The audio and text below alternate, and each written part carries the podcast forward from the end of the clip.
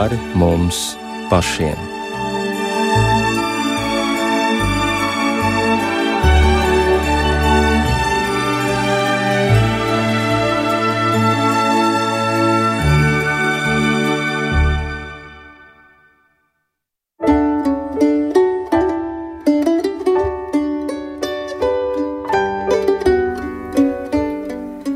Esiet sveicināti raidījumā pāri mums pašiem, lai ir slavēts Jēzus Kristus. Studijā Inte Zēgnere par skanējumu rūpējas Katrīna Bramberga, tikko aizvadīta zvaigznes diena, Austrum baznīcas kristiešu savukārt sveicām Kristus dzimšanas svētkos, bet studijā mēs sveicam Rīgas Aganskalnu Baptistu draudzes mācītāju Edgaru Maži. Labvakar, Edgar! Labvakar! Un grāmatu izdevējus Maigu un Gintu Veilandi. Labvakar! Labvakar. Pagājušā gada maijā mēs ar Maigu un ar Gintu tikāmies, lai ielūkotos kādā neparastā grāmatā, ko uzrakstījis vācu vīļu meistars un arī fiziķis Mārtiņš Šlēske. Tā bija grāmata par skaņu. Daudzas interesantas atklāsmes toreiz uzzinājām gan par vīolas tapšanu, gan arī par to, kā mēs paši topam par instrumentiem dieva rokās. Savukārt šī gada sākumā mums te uz galda ir mācītāja Edgara maža jaunā grāmata ar nosaukumu Oāze. Un, Edgars, protams, ar tevi arī sākšu. Kas tad ir tā tava oāze, kurā tu mūs aicini ielūkoties? Un vispār, kas tev ir oāze? Nē, nu redzi, oāze tādā fiziskā nozīmē, man liekas, Latvijā vispār par oāzi nav ko runāt. Ne mums tūkstnešu, ne mums oāzes. Ja? Bet uh, es, tādā garīgā izpratnē man šķiet, ka tas ir nu, tā tas diemžēl ir, vai par laimi tā ir, ka laika pa laikam mūsu garīgajā dzīvē mēs piedzīvojam tādus sausuma brīžus. Un ir tā izjūta, ka, ka kaut kas ir noticis mūsu attiecībās ar Dievu, un tad mēs, līdzīgi kā psalma autors, mēs ilgojamies nu, kaut kur to oāzi atrast. Mēs jūtamies kā tāda sausa, izkautusi zeme. Un, un tāpēc nu, priekš manis oāze patiesībā ir arī šie rīta brīži, kad es rakstu šīs rīta pārdomas, kas tiek publicētas Facebook. Jo pirmkārt, visi mājās guļ, ir tāds klusums, un es varu kaut kādā ziņā ļaut, lai, lai Dievs caur mani kaut ko, kaut ko pasaka. Cikos no rīta? Nu, diezgan agri. Un kaut kā vecumam nākot, es arvien agrāk ceļos. Tas ir kaut kur pirms sešiem, ap sešiem. Uh, Nu, šorīt, man liekas, es uzrakstīju pusaustoņos, bet, bet tā, jā, cilvēki, kad iet uz darbu, tad jau viņi izlasa jau to, kas ir. Un, un es biju pilnīgi pārliecināts, ka es, tad, kad es um, devos ar ģimeni uz Brazīliju, ka tas posms ir noslēdzies. Un es pusgadu sevi vienkārši nevis nezinu, mierināju, iestāstīju, ka, ka es vairs nerakstīšu.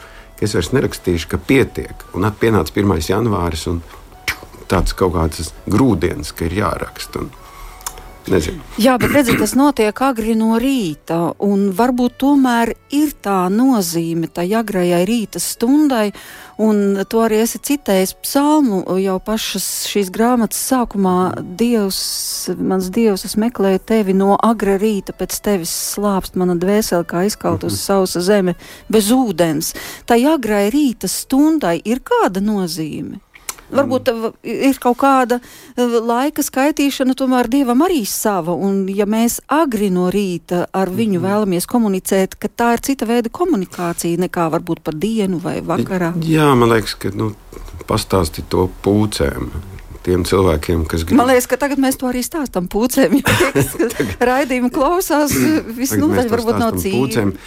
Nē, man liekas, ka tas teiciens, kā dienu sāks, tā diena beigas, arī tur ir apakšā. Jo, Jo ir jau labi, ka mēs varam, varam ar Dievu sākt, un ka mēs varam kaut kā uzticēt to dienu, kas mums sagaida priekšā. Un, un, un, un nav jau tā, ka katru rītu ir milzīga iedvesma. Nē, es domāju, ka citreiz ir bijis burtiski jālaužās cauri. Tad, tur gandrīz tas man pašam ir tas tūkstnesis, ja, kur, kur tas vārds ir. Pārsvarā tie ir brāļu draugu lozunga teksti, ko es izmantoju vai no vecās vai jaunās derības. Un, Un dažreiz ir grūti, dažreiz ir grūti bet, bet kaut kā atkal nu, jā, saliekās tie burti kopā un vārdi, un kaut kas tur sanāk. Maiga, varbūt tu varētu nedaudz pastāstīt par struktūru. Šī grāmata ir ļoti krāsaina un tiešām tāda veldzējoša, ar kaut ko tā patiešām atgādina oāzi. Bet tā tad Edgars jau minēja, ka katru dienu tiek aplūkota kāda svēto rakstu vieta un, nu, ir veidota neliela apcere, nu tā kā dienas grāmatas lapa varētu sacīt. Bet kas vēl ir atrodams šajā grāmatā? Jā, grāmata ir ļoti koša, un e, īstenībā viņu ir jāredz. E, es teiktu, ka jau vāks pats ir ļoti košs, un tas tapa kopā ar mūsu meitu Alisi. Un, uh, viņa uzgleznoja gleznu, uh, iztēlojoties Brazīliju no vienas puses, uh, jo grāmatā ir arī aprakstīts Edgars ceļojums uz Brazīliju. Bet vienlaikus tā ir tāda ļoti nu, koša un, es teiktu, oāzē raksturīga glezna. Grāmata sastāv, es teiktu, no trijām daļām. Viena daļa ir ikdienas piezīmes, ikdienas raksturvieta ar Edgara pārdomām. Vidusdaļa ir Edgara ceļojums uz Brazīliju ar daudzām krāsainām fotografijām un Edgara tādām īsām piezīmēm, ko viņš ir piedzīvojis katru dienu, esot Brazīlijā kopā ar ģimeni. Un noslēgumā ir atrodams 12 svētrunas. Nesen 2022. gadā teikts svētrunas, 12 kopā. Es teiktu, katram mēnesim viena. Ļoti labi ir arī, ka pie svētkrunām ir arī uh, norāde, kur šo svētkrunu var noklausīties. Video ieraksts. Bet kā jūs nonācāt līdz eh, domai, ka ir nepieciešama grāmata? Taču tas viss varēja arī pal palikt Facebook lapās, un gan jau šķirstot uh, Edgara profilu, mēs ik pa laikam kaut ko varētu atrast arī pašai. Man tā ir gadījies, ka šad un tad Edgars agrā rīta stundā parādās ar savu vēstījumu. Jā, bet mēs esam ļoti dažādi. Un man pašai personīgi ļoti patīk grāmatu turēt rokā es piekrītu, var izlasīt katru rītu Facebookā, un es to arī daru, bet nevienmēr. Un es rēķinos ar to, ka ir daudz cilvēki, kuri, nu, kuri nevar katru rītu Facebook vaļā. Viņiem arī noteikti patīk paņemt rokās grāmatu un mierīgi izlasīt, varbūt pat esot uh, laukā pie upes vai pļavā vasarā vai jebkurā citā vietā, kur nav viņam blakus dators vai telefons. Un es pat teiktu, ka tas ir vērtīgāk. Man šķiet vērtīgāk, jo reizēm viedierīces mūs novērš ļoti ātri uz kaut ko citu. Jā, un mēs tūlīt arī sāksim šķirstīt pa lapai, un, zini, teikšu tā, Edgari, jo vairāk šķirstu, jo vairāk jautājumu rodas. Bet tagad turpināsim gan ar kādu dziesmu, un iespējams, kā arī tā uzdot dažu labu jautājumu.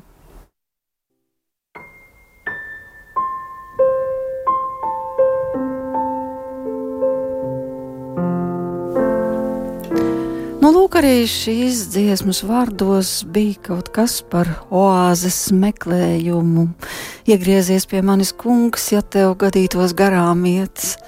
Bet atgriežoties pie grāmatas, jā, tu to sāki rakstīt kā pārdomas Facebookā, tad sākās pandēmija, un kā tu pats saki, tobrīd vēl nenojauti, ka pandēmijai beidzoties sāksies atkal citas likstas, karš Ukrainā un tad vēl karš Izrēlā.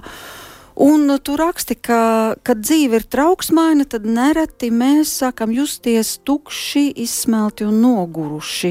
Un, lai atgūtu spēkus, ir jāmeklē miera un atpūtas vietas. Tad kādas miera un atpūtas vietas tu mums iesaki?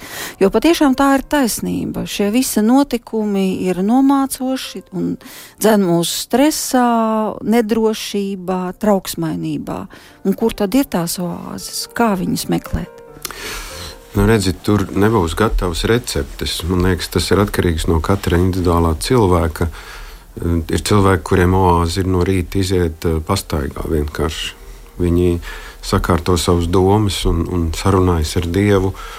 Un, eh, un es zinu, mana sieva Kristīna, viņai tas ir, eh, ir viņas oāze, ka viņa var, var veltīt laiku Dievam vienkārši esot, esot ārpus mājas. Un, protams, ka nu, tas, kas man liekas akūti pietrūkst, ir tas klusums. Un, Un tāpēc varbūt arī tās rīta pārdomas, kad vēl nav viss cēlušies, kad pa ielu vēl nebrauc daudz mašīnas, kad, nu, kad tu vari tā, tā varbūt tā mierīgi tur paņemt kafijas krūzi un, un palasīt, palasīt Dievu vārdu. Un, un man jāsaka, ka esmu jau vairākus gadus es lasu arī mieram tuvu izdoto ikdienas lasījumus. Un, un man uzrunā gan, gan šīs rakstītās lūkšanas, gan priesteru un mācītāju pārdomas. Un, Šādi tad es tur ar kādu lūkšanu uzrakstu. Un, un es domāju, ka draudzene baznīca arī ir viena no oāzes vietām, kur tīpaši varbūt katoļu baznīcas priekšrocība ir tā, ka tās baznīcas ir vaļā.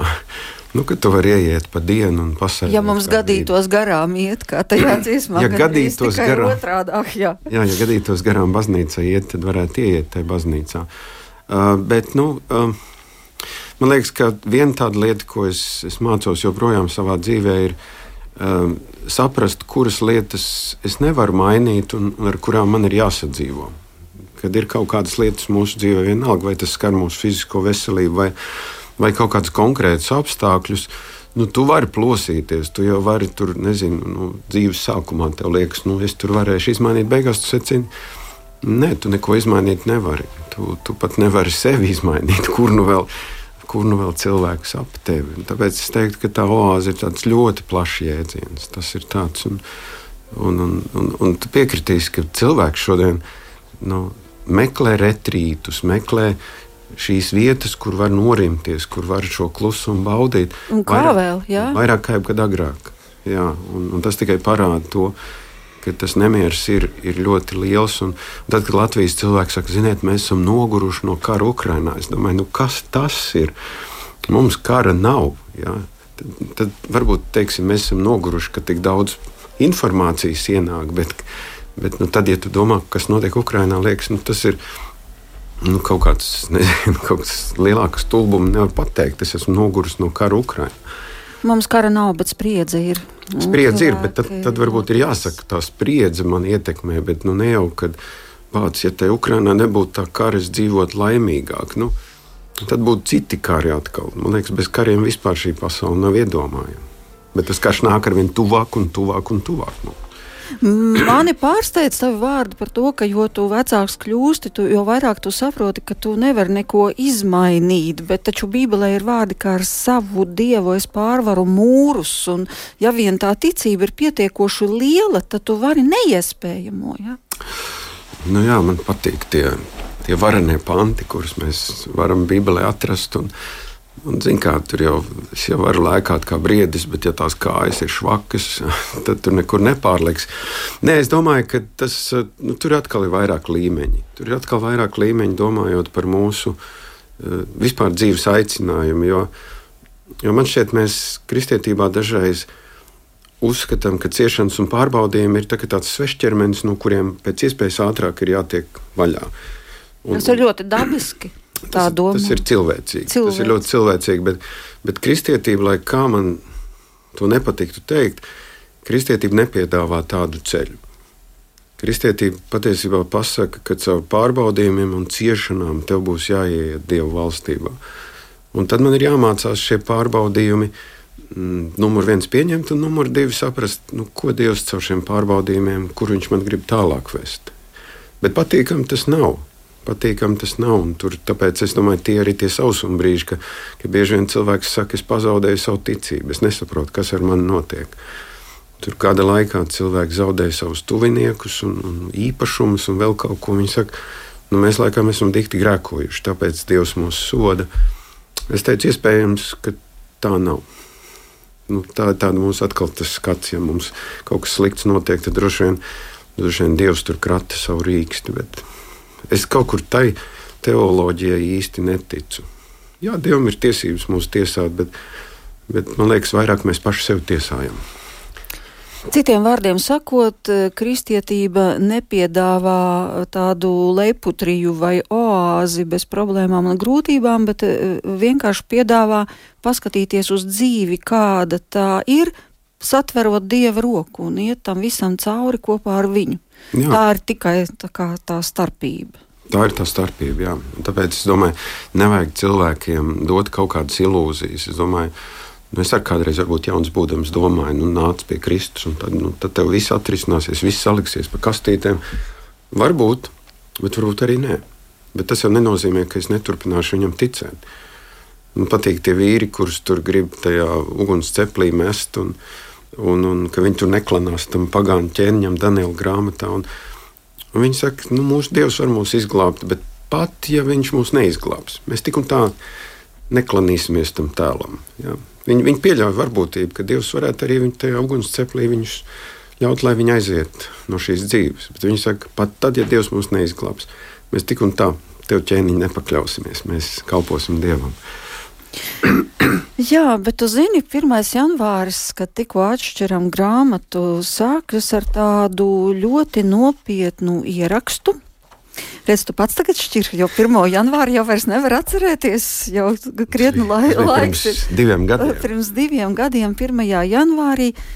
Tu sāki šo 1. janvārī ar rakstu vietu Visi, ko Tēvs man dod, nāk pie manis, un nevienu kas pie manis nāk, es nekad nedzīšu projām. Patiesībā ļoti skaisti vārdi, ja mēs paņemam šī teikuma otro pusi. Mhm. Bet, ja paskatāmies pirmo pusi, mhm. tad tur jau rodas jautājumi. Mhm. E, piemēram, var šķist, ka dažiem ir paveicies, e, vai visiem tiem, kurus tēvs dod jēzumu un ir novēlējis glābšanai. Mhm. Uh, tad uzreiz nāk prātā arī citas rakstu vietas, ka ir daudz aicinātu, bet maz izredzētu. Vai arī romiešu vēstulē ir sacīts, jo kurus Dievs sākumā nozīmējis, tos viņš ir nolēmis darīt līdzīgus savam dēla tēlam.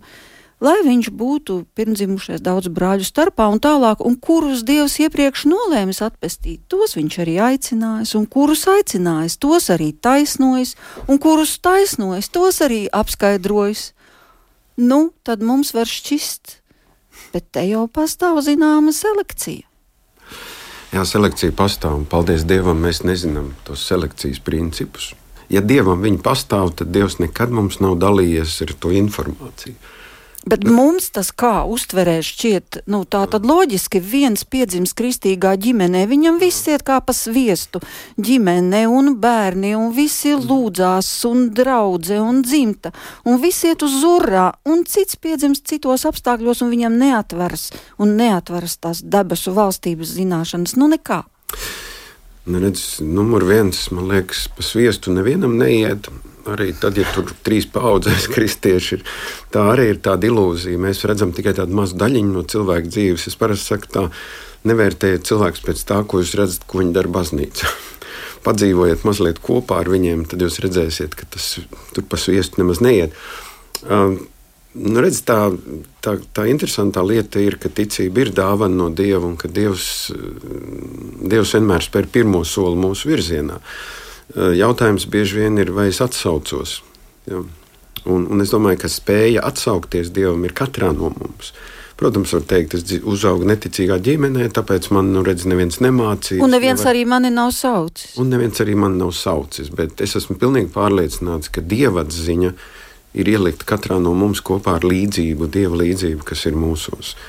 Un, un tas uztvērējs, ka mēs varam uztvert Dievu, tas mums ir katram. Jautājums vienkārši, vai mēs mēs vai mēs zinām, kā rādio, ka tu meklē to, to frekvenci, ja? vai, tu, vai tu vari atrast vai nē. Ja? Un es dažreiz saku, ka sātana rādio dažreiz ir skaļāks par svētā gara balsi. Mēs dažreiz klausāmies tādus rīktīgus melus, apmēram tā kā krievu propaganda no Maskavas. Ja? Uh, bet, bet es teiktu tā, ka izredzētība, protams, ir viena no doktrīnām, kas ir Bībelē. Bet izredzētības kritērija neatiecas uz to, ka es tagad noteikšu. Uh, Nu, Iedomājieties, ka tev būtu jau zināms, nezinu, jūsu mājā, jūs zināt, kurā dzīvoklī, kur ir izredzēta, kur nav. Ja, jūs vienkārši izsvītrot tos, bet tiem vispār mums nav jāiet, jo viņi jau nav izredzēti. Viņi jau nolemti pazušanai. Un tā kā mēs nezinām, kā mēs nezinām, kuri ir izredzēti, tad mums patiesībā ir jābūt pieejamiem ar Kristus mīlestības vēstu jebkuram cilvēkam. Jo tad ir tas jautājums, vai viņi atsauksies. Tas arī vairs nav mūsu rokās. Bet vai var uz to skatīties tādā veidā, ka tā izredzētība pastāv faktā, ka mēs esam šajā pasaulē? Nu, ka Dievs mūs ir izredzējis dzīvībai, ka nu, mēs vispār tādi esam, ka mēs jau esam izredzēti, un tad tālāk seko aicinājums. Nu, Dievs mūs aicina, nodibina attiecības. Tad tur es nezinu, kā ar tiem mm. frekvencēm un jā, rādio. Jā, nē, protams, es domāju, ka tas, nu, zini, kā izredzētība ir viena no tām lietām, kuru mēs šeit no apakšas, no zemes skatoties, mēs nekad līdz galam nesapratīsim. Jā, mēs redzam, izredzētība sākas jau pašā sākumā. Ir, ir, ir kains un ābelis. Ja, un, un es kāpēc, un es kāpēc kainu upuri Dievs nepieņem? Ja? Vēlāk tur jaunajā darbā saka, nu viņa darbi bija ļauni. Ja? Un, un, un, un, tad, un tad mēs redzam, ka tur atkal Ābrahāma iz, iz, izredz Dievs, un tad ir Išmaels, un viņu neizredz, un, un Īzaku izredz.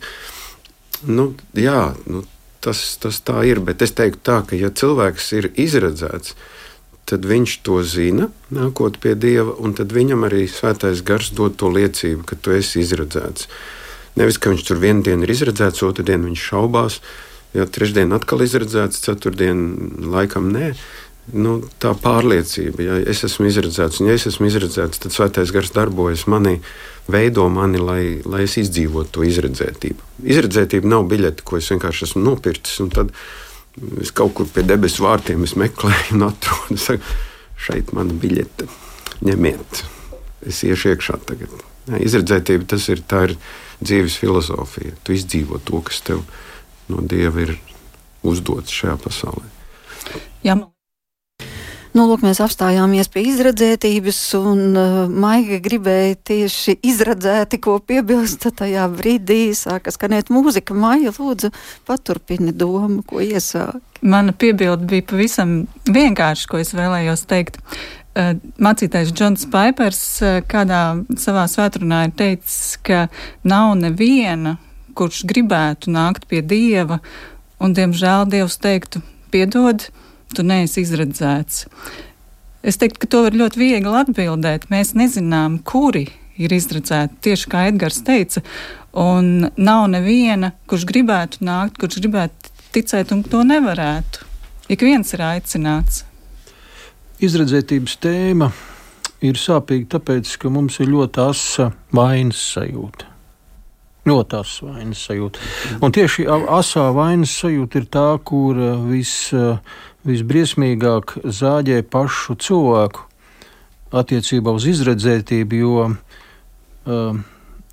jo pats cilvēks viņš kuļās un maļās, un tā viņa vaina, kas fa faktiski ir iesākums no ēdienas dārza, īstenībā viņi neļauj, neļauj ne, nu, nevar nekādīgi viņu, ne, nu, nav spējīgi viņu nu, atlaist vaļā.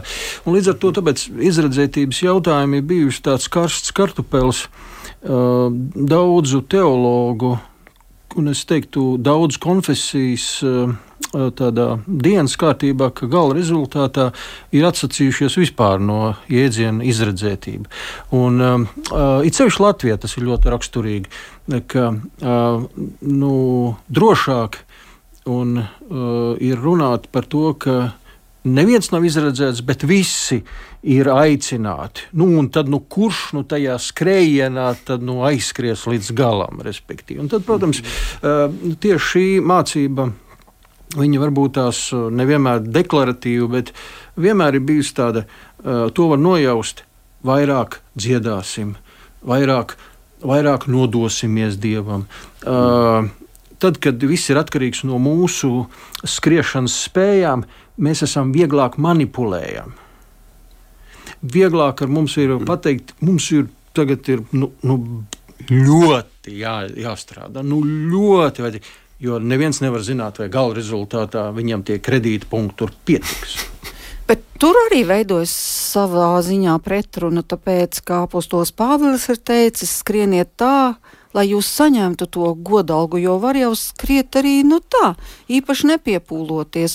Un ir tā tādas epizodes Bībelē, kas dara mūs uzmanīgus, nu kaut vai, piemēram, jūs vēl līdz asinīm nesat cīnījušies pret grēku. Tā tad nepietiek kaut kā mazliet, zinot, ka tik un tā Jēzus visu izdarīs. Tomēr pastāv tas, kas nu, ko man darīt, ko man darīt. Šis varbūt. jautājums joprojām ir aktuāls, un varbūt par to izredzītību tas var rasties arī tieši kristiešiem, kuri jau tā kā ir kaut ko apjautuši, Bet jautājumi vēl nav pazuduši. Es domāju, ka ir divas, divas lietas - ir izredzētība un ir svētdzīve. Mēs tiekam svētdzīvē aicināti skriet.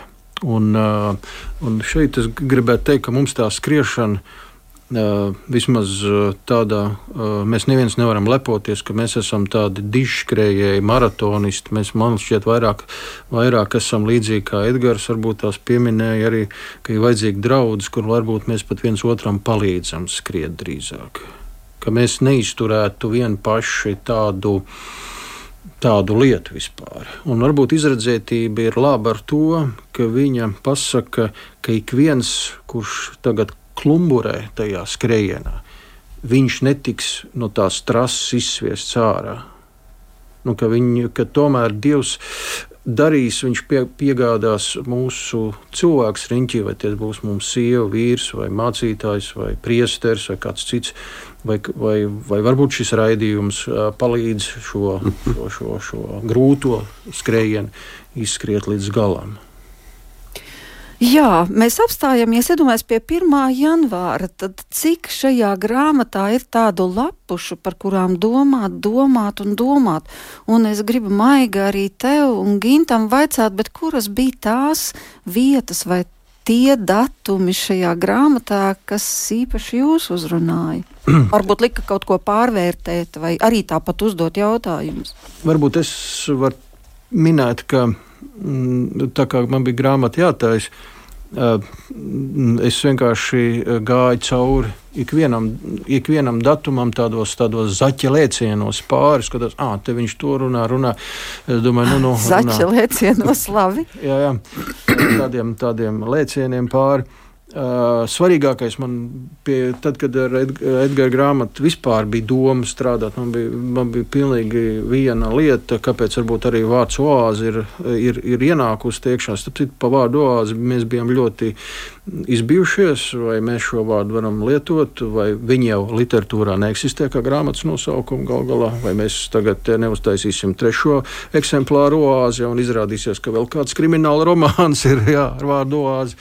Uh, tad, uh, tad es teiktu, labi, ka, labi, ka tā ir. Uh, un svarīgākais ir, ka Edgara tās pārdomas neatkarīgi no no, no viena vai otra Bībeles panta ir jautājums par to, ka ir atgriezts saprāta atpakaļ mūsu ikdienā. Tas ir saprāta atgriešanas moments. Mm. Jā. Es neminēšu konkrētu da konkrētus datumus, bet kopumā man grāmata lika domāt, ka oāze ir saistīta ar tūkstnesi neizbēgami, un bieži vien ikdiena var būt kā tūkstnesis dažādu iemeslu dēļ. Un bieži vien tas tūkstnesis varbūt pat nav viena diena, tās ir daudzas, pat varbūt mēneši un kādam varbūt gadi. Bet tomēr neatņemama sastāvdaļa ir šīs oāzes. Un vēl viena lieta, kas man likās kā tāds uzmundrinājums, iedrošinājums, kas arī parādās grāmatas struktūrā, ir šie ikdienas lasījumi, un tad pa vidu ir pauze, nav lasījumu.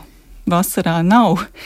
Un to es saskatīju kā tādu līdzību, aicinājumu mums katram pašiem veidot savas oāzes, meklēt savas oāzes, nebaidīties pašiem meklēt uh, saukt uz Dievu, aicināt viņu atklāties, parādīt sev jaunos veidos. Jā, Gins eh, sacīja par eh, tās grāmatas nosaukumu, un lai arī mums tā kā nav Latvijā oāzes, eh, Edgar, mm -hmm. tu mhm. minēji, tajā pašā laikā mēs pēc šī vārda ļoti ilgojamies, jo ir nometnes ar tādu nosaukumu bijušas un grupas, un, un arī slavēšanas grupas ārzemēs ir ar šādiem nosaukumiem oāzes. Es pamē, papētīju, tiesa starp citu dziesmas ar šādu nosaukumu bieži vien ir ļoti tādas enerģētiskas un uh mhm. -huh. bieži vien pilnīgi nekādu relaksu tev pat nesniedz. Uh mhm. -huh. um, bet uh, tu minēji arī par Brazīliju. Arī tā ir sava veida oāze un uh, šīs krāsainās bildes, kas ir ieliktas pa vidu, un tas tavs ceļojums, ko tev pašam par ko tas lika domāt?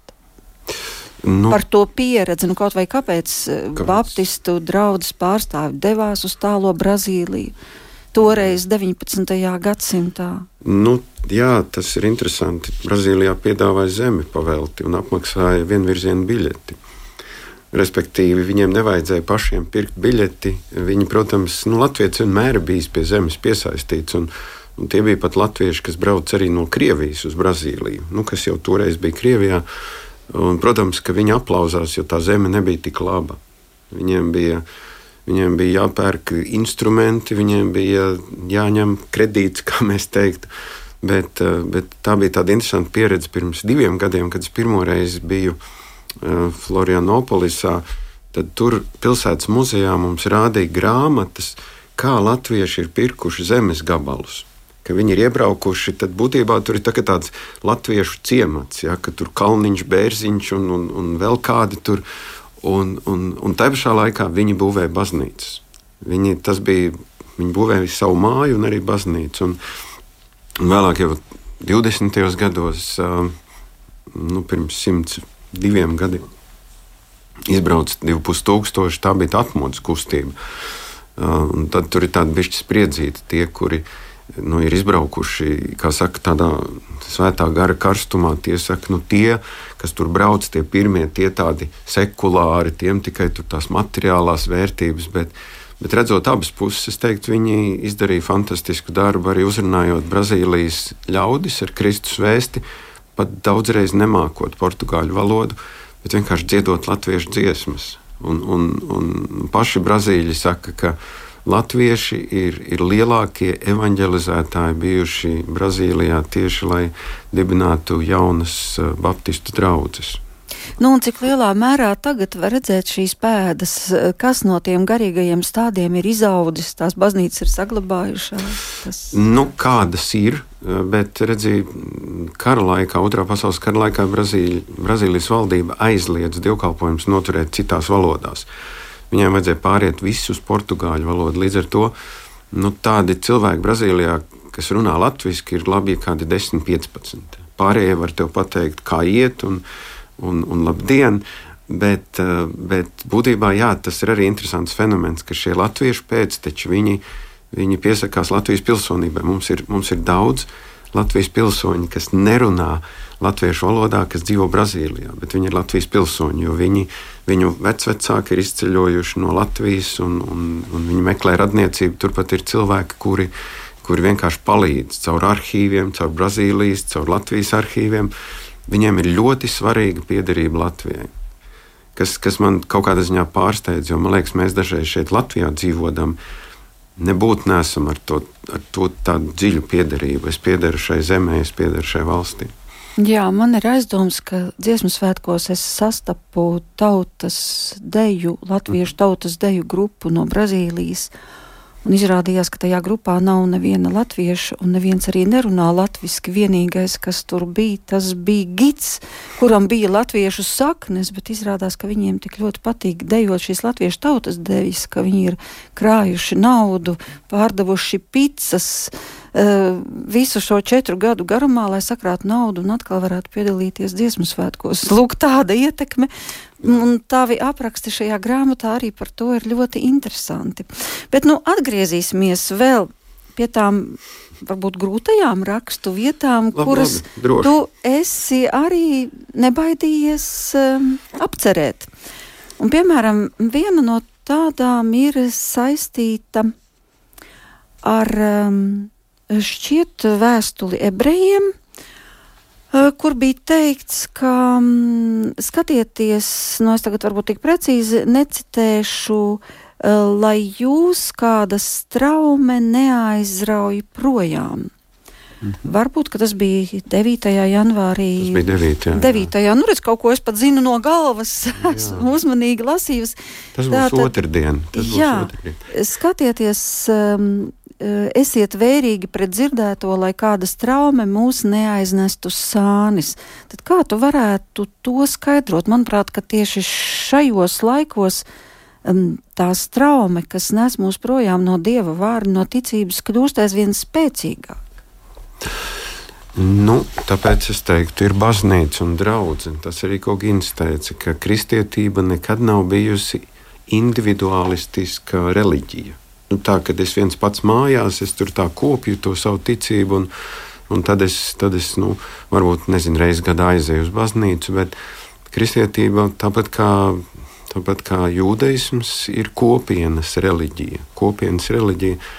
Un es domāju, nu, nevelti jau no paša sākuma kristietības stiprums ir bijuši arī draugu vadītāji, kas ir mācījuši, kas ir, nu, es domāju, līdz, līdz, līdz 3. un 4. gadsimtam tur, tur baznīcas tēviem viegli negāja.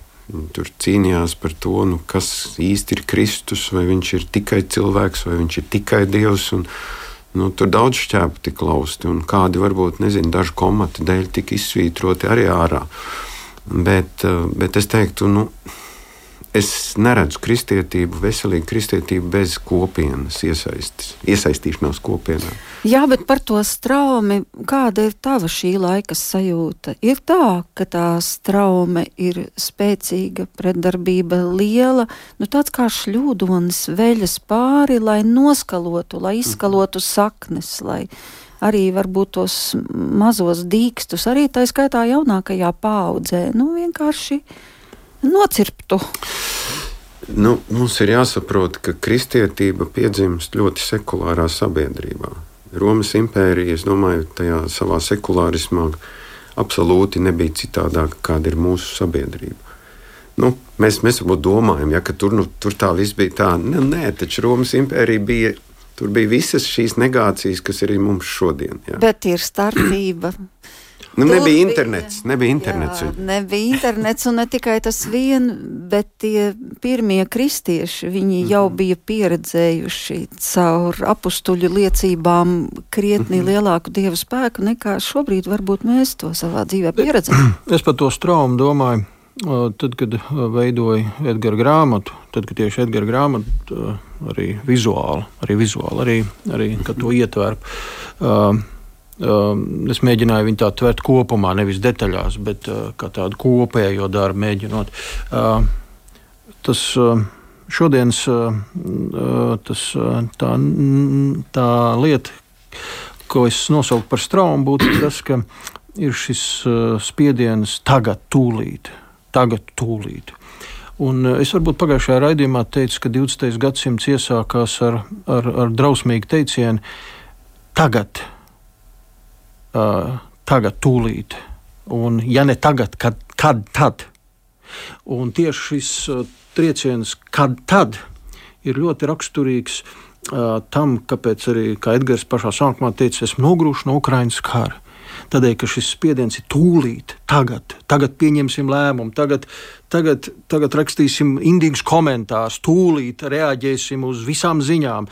Ja pateiks, ka ir bankas krīze, skriesim uz bankomātu, ņemsim naudu ārā. Tūlīt to darīsim. Pirksim tūlīt sāli. Edgars, tu nopirksi sāli. Ne, Nē, ne, es nenopirku. Griķus. Vajadzētu tūlīt pirkt griķus, piemēram. Nu, jāspēj ātri reaģēt. Ātri tieši tā, jā, mm. tūlīt. Nu, kā tā vēl? Nu, kā tad vēl, jā, tieši tā. Un tieši tajā, tajā tūlīt efektā, kur uh, ir, ir, uh, ir tiek pieņemts ārkārtīgi maldīgs, haotisks domas varbūt pat reakcijas. Uh, kā tā, kā kur mukt, kā, kur braukt, vai, un, un, un it sevišķi uh, krīzes laikā, kad ir uh, Ukrainas karš vai, vai, vai piemēram, Izraels vai, vai kāda cita. Ja? Tieši šis tūlīt ir viens no visefektīvākajiem. Jo mēs, mums tā ziņu moments ir mm-hmm. ārkārtīgi strauji, un, un tā histērija, kas veidojās, tā ir ārkārtīgi nomācoša, jo viņa it kā ir ļoti pravietiska tagad, vai jūs neredzat, ka tagad ir jāpērk sāls, vai jūs neredzat, ka grīķi tūlīt ir jānopērk. Un tas, mm. Tam jau mēs tā kā pagājām garām, bet tik un tā tā spriedze jau gaisos. Nē, nē, viņi ir, viņi paliek, un tāpēc arī uh, grāmata, viņa, viņa, ko viņi izdara, viņa tā kā atzūmo ja drīkst tā teikt, šo, šo nelatvisko vārdu atzīmo nost no tūlītēja piekalšanas tev tai ziņā. It kā atņemt nost, it kā atskat, paskatīties no attāluma. Uz ko tad mēs īsti tagad gribam, par ko mēs gribam tagad kliegt, vai, vai nozākāt, vai tagad ko darīt. Varbūt kā reaģēt. Un šis tūlīt moments ir ārkārtīgi negatīvs. Es, es, to, es to redzēju visam, kā sākot ar ar Covid, ar, ar, ar karu, ar Izraēlu vispār. Un tieši tad, kad Edgars rakstīja, viņš iedeva to manuskriptu, es sapratu, ka tas jautājums ir par to, kā no šī tūlīt tikt vispār vaļā. Mm -hmm. Jo redziet, es domāju par tām straumēm. Nu, kad Latvija kļuva brīva, tad man liekas, mums bija tāda ilūzija, ka kristietība tiks celta godā. Jo bija tie padomju gadi, kur visu laiku kristiešu zākāja. Un sākumā jau tā arī bija. Baznīca bija pilnas un cilvēki nāca. Un, un mācītājus aicināja uz raidījumiem, un, un likās, ja mēs tā arī dzīvosim. Bet īstenībā tā bija ilūzija. Tāda triumfāla kristietība uh, patiesībā nekad tā īsti nav bijusi. Patiesie kristieši vienmēr ir tikuši apspiesti, vajāti. Ja? Uh, un, un, un tagad, es domāju, tagad mums, mums kā kristiešiem, mēs tagad, tagad tiekam nolikti tur, kur nu, gandrīz kur mēs bijām padomju laikā. Gandrīz, jā, es vēl nesaku, jā. bet vienkārši nu, nekas jau jauns nenotiek. Nu, nu, es domāju, ka tie, kuri mēs esam bijuši padomju laikā, kristieši, Priekš manis šis laiks absolūti nav briesmīgs. Es neredzu, ka viņš būtu briesmīgāks par padomju laiku. Jā, var tur teikt, redz, tur mainās tur ētiskās vērtības, un tagad brūk ģimenei virsū un tā tālāk. Bet, eh, bet ģimenei jau bruka arī agrāk virsū. Un ko darīja kristieši padomju gados? Viņi savus bērnus sūtīja muzikas skolā. Viņi teica, lai viņi mācās un spēlē baznīcā, lai viņi aug, lai viņi ieaug baznīcā.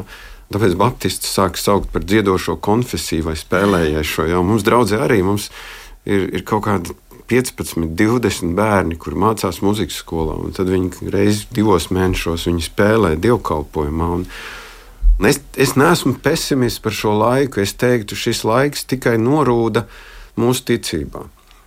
Un norūdīšana tas nozīmē, ka, ka jā, es esmu gatavs savām vērtībām pastāvēt. Un, Un, un es zinu, kam es ticu, un, un mani nevarēs izšaubīt. Es ticu, ar Dievu palīdzību es varēšu pastāvēt līdz galam. Jā, nu mēs satiekamies pašā jaunā gada sākumā. Dažas minūtes vēl ir. Um, jūsu, jā, varbūt sajūtas par šo jauno gadu. Bībelē ir ļoti daudz uh, lietots vārds jauns. Redzies, visu daru jaunu, jaunas debesis un jauna zeme. Un atklāsmes grāmatā par to, kā dieva troņa priekšā tika dziedāta jauna dziesma. Un kā, nu, tur vēl daudz jaunu vīnu, nelēja vecos traukos. Mēs visu laiku esam aicināti uz atjaunošanos. Nu, tad esam tagad jaunajā gadā. Ir jums kāda receptīte? Es gribētu. Es Tagad gribētu, tūlīt, tad jā, tūlīt jāsaka, jo tūlīt raidījums beigsies. uh, jā, tūlīt beigsies raidījums, un tāpēc varbūt tūlīt ir jārunā. Uh, bet uh, par to oāzi es gribētu teikt, ka oāze ir otrs vārds uh, - mazā Jeruzalem. Un mēs savu dzīvi sākam no mazās Jeruzalemes vienmēr. Šī mazā Jeruzalem ir tā, kas ir mūsu sirdī. Un tā ir mūsu mazā Jeruzalem. Un ir tāds teiciens, satiksimies Jeruzalemē. Jā, skaisti. Jā, es teiktu, es šodien runāju dievkalpojumā no atklāsmes grāmatas, ka noliktais laiks ir tuvu. Un, un varbūt turpinot, ko Gins teica, tas, tas nav par, par pulksteni. Tas drīzāk ir par dieva laiku. Un man šķiet, ka mums ir dots dieva laiks. Mēs nezinām, cik daudz, cik ilgi, bet ir labi, izjust šo brīdi, kurā mēs esam, un pateikties Dievam. Paldies, Dievs, ka Tava klātbūtne padara šo laiku ļoti īpašu. Ļoti īpašu. Un, un, un kādiem tas ir laiks, lai nāktu pie Dieva. Un mēs nekad nezinām, arī, ko šādi raidījumi izdara pie cilvēku sirdīm. Man liekas, kad mēs nonāksim pie Dieva, tad varbūt Dievs iedos kaut kādu statistiku, kā šis raidījums ir veids cilvēkus tuvāk Kristum. Jā, un ar es pateicību teiktu, tad mēs arī noslēgsim. Es, es teiktu, ticēt, ka tuksnesī Dievs spēja paēdināt. Jo, ja viņš ir pieļāvis mūsu tuksnesi, tad viņam ir plāns, kā mūs izvest cauri un kā paēdināt. Jā, un šobrīd paldies es saku šī raidījuma dalībniekiem, mācītājiem Edgarim Mažim un grāmatu izdevējiem Maigai un Gintam Vēlandiem. Un um, kopā ar jums šovakar bija Inta Zēgner par skanējumu rūpējās Katrīna Bramberga, bet dziesma, ko tūlīt mēs dzirdēsim, ir tieši par to oāzi, par kuru mēs šajā stundā runājām, par kādu īpašu dārzu.